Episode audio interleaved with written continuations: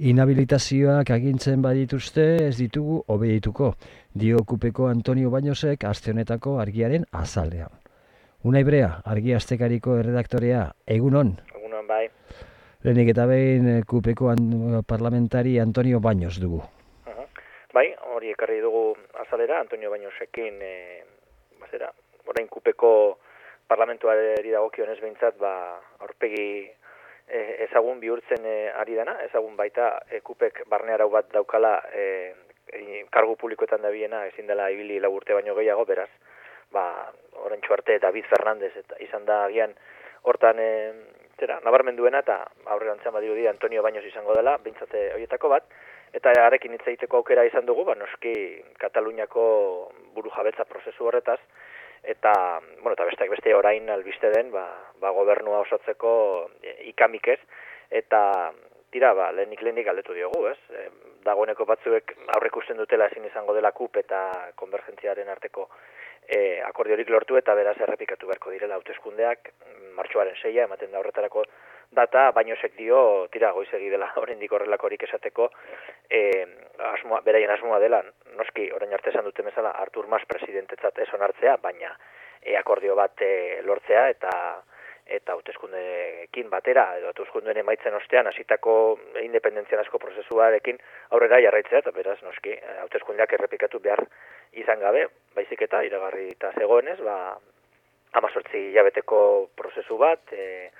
konstituzio batekin, e, bueno, prozesu konstituzio gile batera eramango duena, eta horrekin batera Kataloniako Republikaren e, e, aldarrikapena tira beste kontu batzuk esan dizkigu ere, ba, prozesuaren e, e, barrun behez eta, eta letra txikiaz, eta noski, ba, orain bai, e, Espainiako estatuak bere jarrera e, gogortu duenez, ba, bueno, jarrera horrekin aurrean e, ikuiko dituzten jokamoldez, eta zuka ipatu duzun e, esaldi hori, ez da, e, inhabilitazioak agintzen baditu, e, zera, konstituzio hauzitegiak, ba, ba, koherentziagatik eta orain arteko ibilbideagatik, ba, desobeditzea besterik ez dutela izango. Panoraman Beirut Parisen, zibilizazioen gerra garaile. Bai, Parisko atentatuen e, arira idatzetako peio zubiriak, idatzetako e, analisia e, ekarri dugu, eta, bueno, zer esan daiteke horretaz, batetik, bueno, eta hasieran e, esaten du ez, e, Charlie Hebdoren, Hebdo aldizkariko kasetarien aurkako atentatu izan zenean, urte hasieran Parisen ere, ba ordan e, hango epaile batek e, esan zuen, bueno, borroko antiterroristan urte askotan nabarmendutako epaile batek esan zuen aperitifa besterik ezala izango Charlie Hebdorena eta oraindik e, ba, gorriak ikusteko zituztela Parisen eta eta Frantzian eta tira, biztan da arrazoi eman e, diotela eta gero noski ba ba, gauza bera unik diot. E, gauza bera gertatzen da Parisen edo beste leku baten, gaur bertan esate baterako, atentatu suizida baten,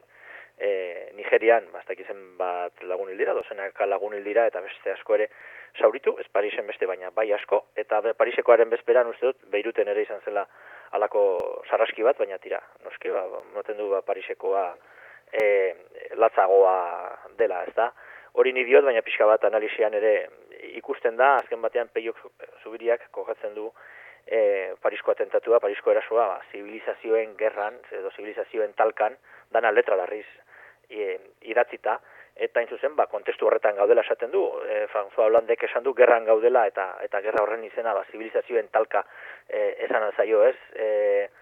e, kristau versus musulman, naiz laikoak izan denak, edo praktikanteak ez izan, baina kristauak versus musulmanak, edo mendebaldea versus ekialdea, edo Europa versus e, Asiako e, mendebaldea. E, ulertu, ulertu, nahi den, e, ulertu nahi den bezala, baina tira, hori da sortzen ari den testu ingurua, eta testu inguru e, horietatik, e, datoz gero erasook, e, Parisen, Beiruten bezala, eta etorriko dira, azken batean prozesuak bere burua delikatzen duelako panoraman ere, de ereduan afarroan eta arazoak. E, bai, bueno, hiru hiru eskolatako kasuak aztertu ditugu, hiru berritako kasuak hobeto esan da, Lezau, Nabartzuza eta Zudairi, lehenbiak e, euskararen e, legearen arabera, zonalde mistoan daudenak eta Zudairi berriz, zonalde ez euskaldunean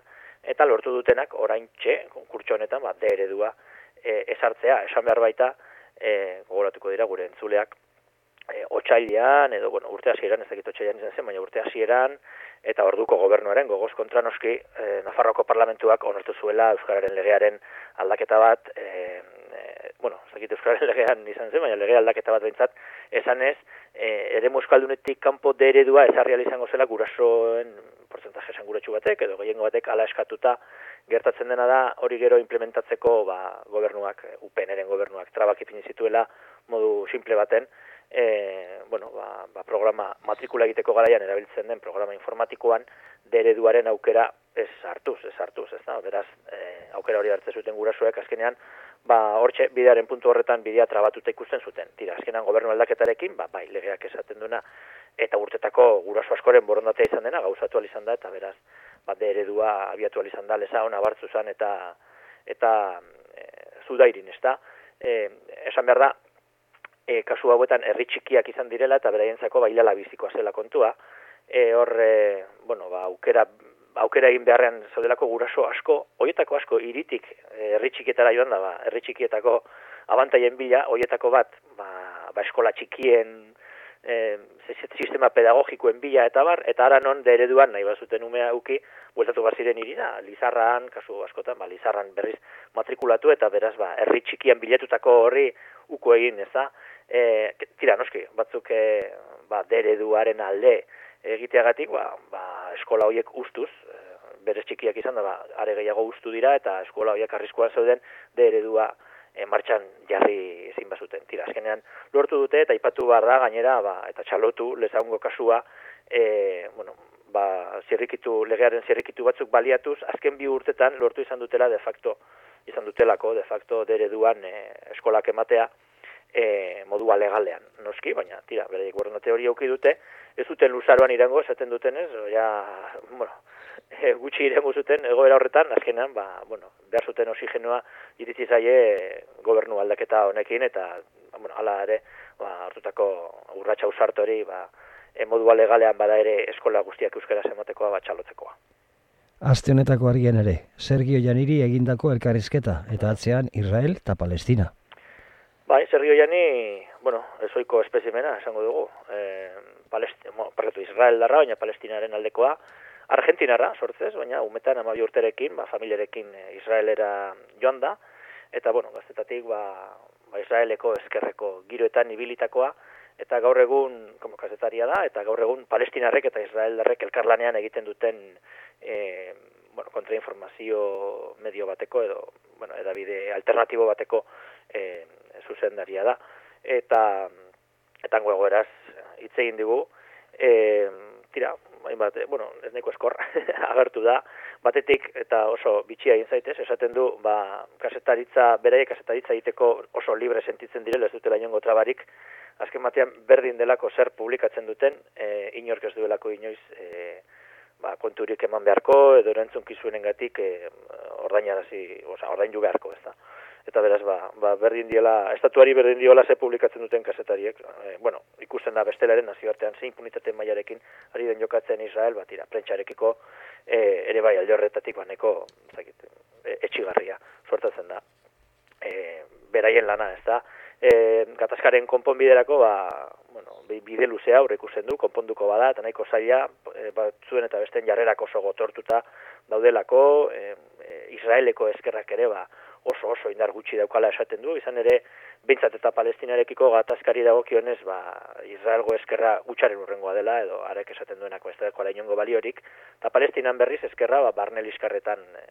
galduta da bilela, ez da, batzuen eta besteen arteko barne borroketan e, galduta dagoela, eta, bueno, balde hartotetik, ba, ba eskerretik egin daiteken indarra e, gatazkari konponbidean bateko, baneko ahulduta geratzen da, ez? Batean, e, ba, indar, berez oso indar gutxi dagolako eta bestean horretarako indarra gehiago erabiltzen delako barne, barne lizkarretan, eta gero, noski badakigu zein dan, Israelgo estatuaren e, posizio historikoa, eta eta hori xe, nazio artean, e, ba, bazera gutxi, ez da. Ba, bueno, orengo hori, bide bat siriakoa ere bai, eta ekialde burbileko gatazka global horren e, ikuspuntua eman digu, eta bueno, horri dago kionez ere, ba, nahiko, nahiko eskorreta, nahiko beltzik usten du janik panorama. Bukatzeko nahi, kulturan oskorriren agurra. Bai, ba, datorren igandean, eta Bilbon esango dute agur, ez da, betiko. bueno, betiko, ez dago jakiterik, baina ala iragarri dute behintzat, oskorrikoek, berrogei urteko, berrogei urte inguruko ibilbidea eta gero, hau da despedidia kontzertu emango dute, arriaga antzokian, eta eta guk hiru musikari elkartu ditugu, edo hiru musikarirekin hitz egin dugu, e, oskorriren hildotik, ba, ba, neko berezitakoak esango nuke, bat maite arroita jauregi, mursego, beste bat Imanol Lepelde, Txepare Rap, eta beste bat eh, Jupiter Jon taldeko musikari Xabi Ubeda, eta irurekin hitz egin dugu, ba, oskorriren agurraz, oskorrik usteko hartutako erabaki hortaz, eta batez ere oskorrik uzetako ondareaz, eta gauza interesgarriak esan dizkigute, kasu askotan, e, zalantzak eta galderak, besterik ez direnak, e, izan ere Nacho de Felipek berak ere, ba, airean utzitako galdera batzuen inguruan, ez? Esan da duelako, ba, beraiek amaitzeko gogoz ez dela, baina, baina egoera egon dela beraiek amaitzekotan, eta, no, bueno, non baita ditzera eman zuen hori, 2008an esan zuen, baina ulertzen da, ba, ba kanpoko faktoreren batek eragin da, utziko, utzi, utzi dutela, ez? Imanol Epeldek hildorretatik dio, ba, ia e, kulturaren, e, Euskal Herriko kulturaren arduradunen batek, e, ba, galdetu dien, oskorri zergatik utziko duten, eta, bueno, zer, ote, pasa, zer pasatu dute da, horrez, ba, azkenean oskorrik e, usteko, ez da. Tira, hori aparte utzita, bat denek ere aitortu dute estilo aldetik eta oso bereizita egon arren, eta kasu batzutan esan, garbi esan da, ba, oskorriren gatik inongo eragin musikalik e, jaso ez duten e, arren, ba, uka dela oskorrik utzitako ondarea, naiz eta oso polemiko izan dute ibilbidea, garai baten espainolistatzat jo izan zituzten, hasieran euskaraz kantatzeagatik e, zentsura jasan zuten e, Franco hil baino lehenago hasita bai den e, oskorrikoak eta tira, bai ibilbide sala partatxua egin dute, baina musikalki oso aberatsa, errepasotxo bat ere egin dugu eta lau hamarka daten berizi dugu, e, lau hamarkako bloketan e, berizi dugu haien haien ondare diskografikoa eta bueno, pixka bat analizatu eta eta tira nabarmendu izan dutena batez ere izan da ba ze ondo asmatu zuten asmatu duen oskorrik tradizioa eta modernotasuna e, ustartzen ez eta bueno tira edo kasutan ba edade batetik aurrerako e, aurtzaroko oroitzapen asko daude oskorriren musikaz e, beteak ez da hori hori beintzat uka ezina da Unai Brea, argi aztekariko erredaktorea. Mil esker, gaur ere gurekin kolaboratzeagatik eta datorren aster arte. Agur.